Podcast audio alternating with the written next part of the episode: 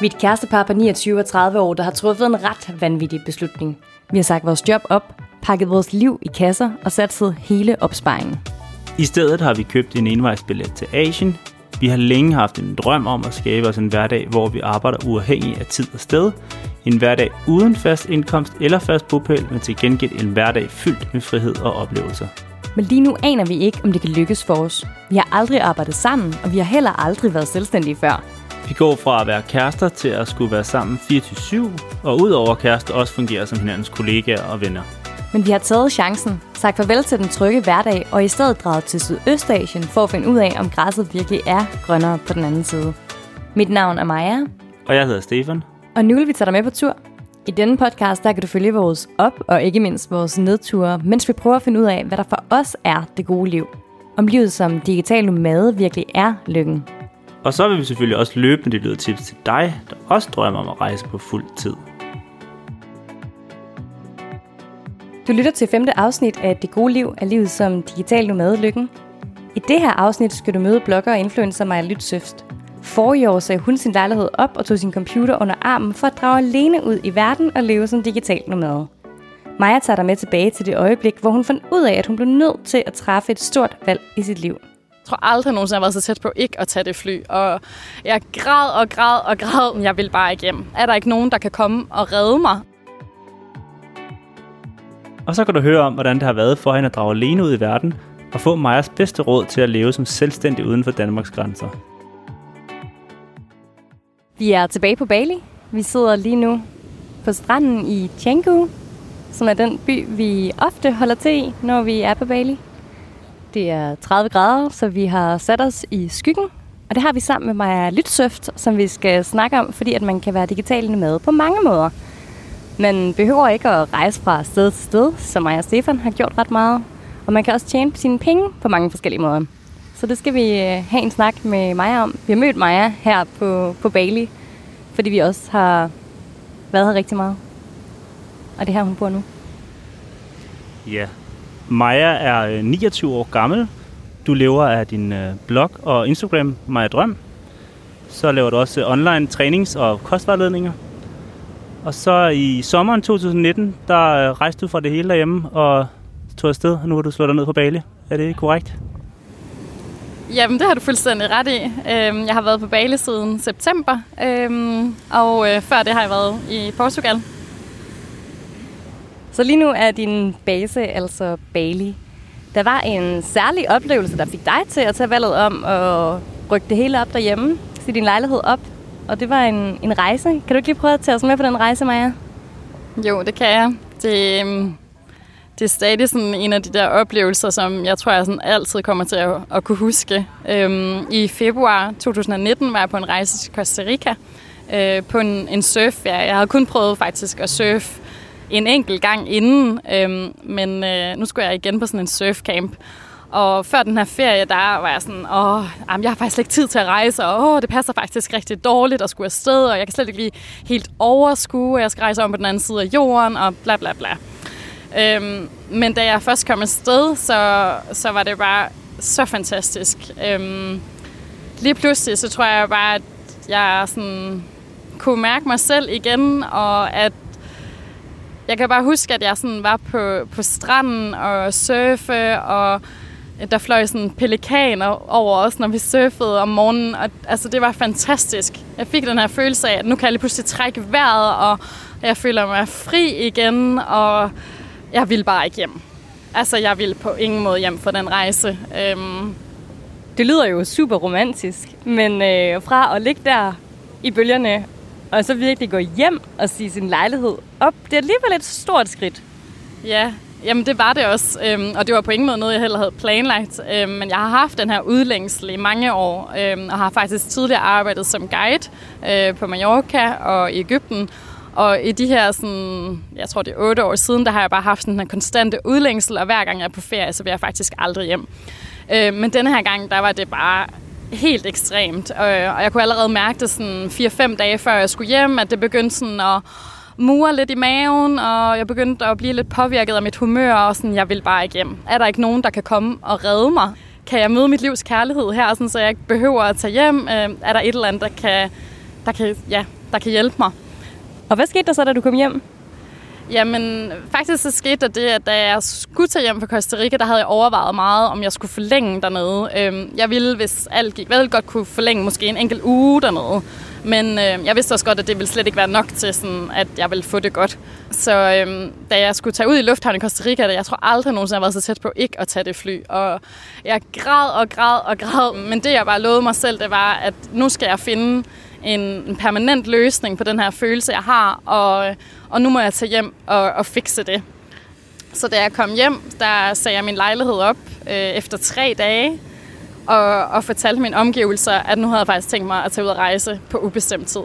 På det tidspunkt, der var jeg bare ikke i en særlig sådan, god periode af mit liv, og jeg var faktisk også startet hos en psykolog, og der var nogle af mine veninder og min familie, der sagde sådan, tror du ikke lige, du skal drøfte den her jo, kæmpe beslutning med din psykolog? Og så var jeg sådan, nej, det skal jeg ikke, for jeg har ikke lyst til at ændre mening. Øhm, og det er så vigtigt, at det er mig, der træffer den her beslutning, og også det her med, at det skulle heller ikke være, fordi jeg havde mødt en mand i Costa Rica eller et eller andet. Det var mig, der ligesom træffede den her aktive beslutning om, at jeg ville noget andet.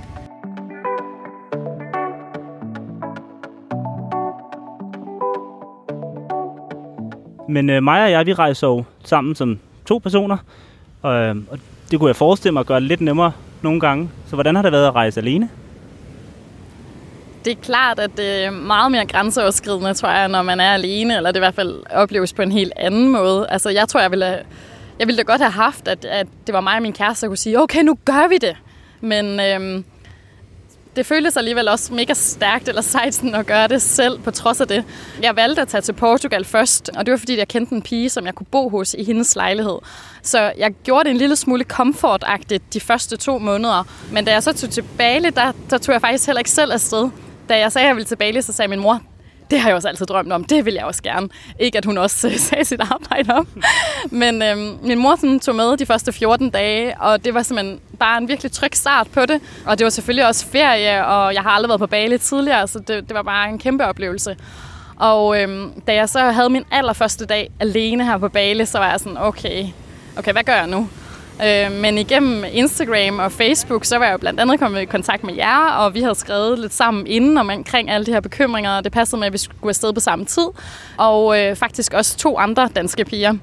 Så den allerførste aften, jeg var alene i Shango, der mødtes vi til en middag, og den tror jeg bare sådan sat sådan, øh, takten for, hvordan det her ophold det kom til at være. Fordi at vi klikkede bare mega godt sammen, alle sammen. Det har jo været jeg, jeg har brugt allermest tid på, så fra ligesom at tro, at jeg skulle være her helt alene, så det er ikke den oplevelse, jeg har haft. Men selvfølgelig så har vi også rejst, eller I har rejst væk, og nogle af de andre har rejst væk og kommet tilbage og sådan noget, men det har alligevel givet mig lidt en base af, at okay, men jeg har et tilhørsforhold til det her sted, og jeg kender nogle mennesker. Ja, der er jo nemlig også mange udfordringer ved at rejse sted på den her måde. Er det så det hårdeste, det er? Har det været at være alene herude, eller har det været noget andet? Altså selvfølgelig så er det allerhårdeste, det er selvfølgelig at savne mine veninder og min familie. Øhm, men når man lever på den her måde, så er jeg savnet et vilkår, og jeg sørger for tit at ringe og skrive, og på den måde stadig følge med i deres liv. Øhm, men det er 100% det hårdeste, at der, at der er nogen derhjemme, som også har brug for en, og man også selv har, har brug for dem i den øh, periode, man er i. Men jo, altså sådan, jeg kan da sagtens savne at have en sådan i hverdagen. Det har i hvert fald været noget af det hårdeste, at man sådan godt kan føle sig alene. Altså for eksempel i går, der, øh, der snakkede jeg simpelthen ikke med et menneske en hel dag. Og øh, det eneste, jeg har gjort, det er at bestille mad, og ellers så har jeg ligesom bare været mig selv. Øh, fordi jeg jo ikke på den måde går på arbejde og får en masse socialt der, jamen så er det nogle gange også bare nogle lange dage foran computeren, og det er ikke sikkert, at det lige passer med dem, jeg kender hernede, om at lave noget socialt. Øh, og det er faktisk heller ikke selv, at man jo altid har lyst til, til noget socialt. Men der er også bare en stor forskel på det der med, om man har valgt at være alene, eller at den alenehed, der sådan kan være ved, at man ikke kender nogen, øh, og der ikke er nogen, man kan lave noget sammen med. Jeg synes, der er en stor forskel. Føler du dig nogle gange ensom? Ja, det gør jeg. Helt sikkert. Og det er, altså, det er nok også det der med, at man er så langt væk, øhm, og at det også er mange nye relationer, man skaber. Øhm, så jeg, jeg føler mig stadig alene nogle gange, men, men jeg synes et eller andet sted også, at det er okay. Altså sådan, det er helt okay, at man også har fire aftener i streg, hvor man bare ligger og ser Netflix, og det kunne jeg også godt have fundet på at gøre derhjemme. Men der er så mange andre ting, som sådan opvejer for den ensomhed.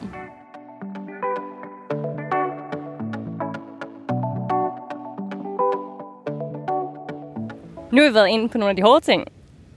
Hvordan er det så alt i alt? Altså, er det besværet værd, og er det ulemperne værd? Jamen, 100 procent. Altså sådan, det er længe siden, jeg har været så glad, og jeg er så glad for min beslutning. Jeg mærker, at jeg er meget mere effektiv i mit arbejde, fordi at jeg kan gøre så mange af de andre ting, som jeg godt kan lide. Altså, jeg mærker virkelig flowet i mit arbejde, når jeg først har haft mulighed for at gå en lang tur på stranden, eller surfe, eller være til træning. Og så kan jeg sådan arbejde på de tidspunkter på dagen, der passer mig allerbedst. Det at være et sted, hvor det er varmt, øh, det betyder jamen, nærmest alt for mig. Jeg har aldrig kunne lide vinter. Så jeg har det bare ja, generelt meget bedre. Der er så mange muligheder for at tage ud og opleve ting, som ja, man ikke ville kunne, hvis man boede i Danmark. Det kan vi følge. Vinter, det, vinter, det skulle heller ikke også.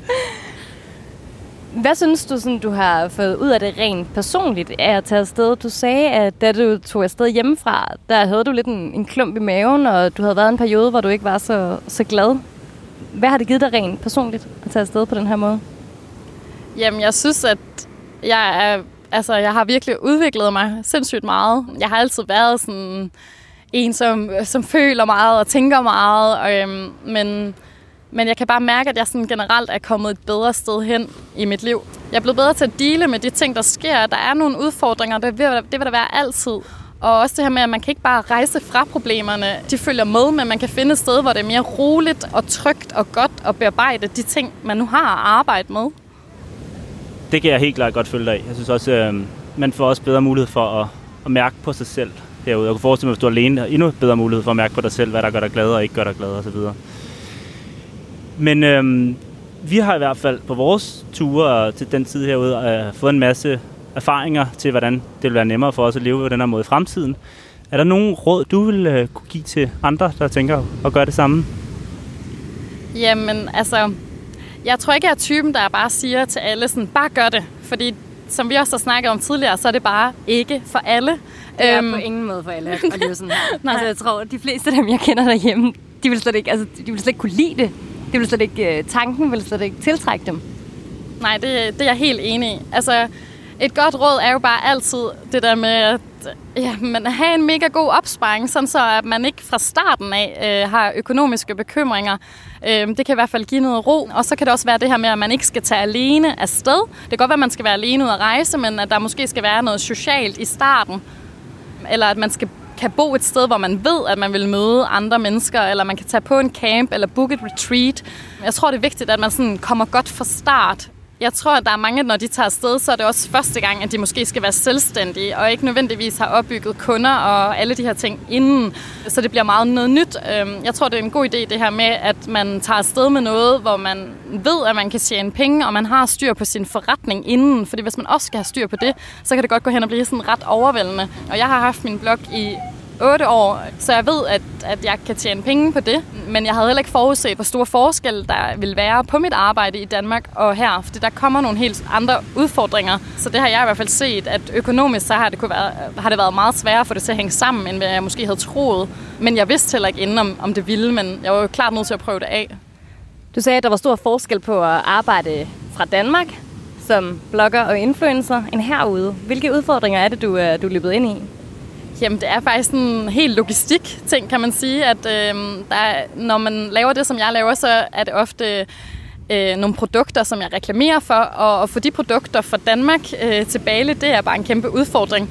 Og så kan man sige, at det skal også være nogle produkter, der er relevante, fordi lige nu vil det være relevant for mig med en kampagne med solcreme, men det er ikke relevant for mine danske følgere, fordi det er vinter i Danmark.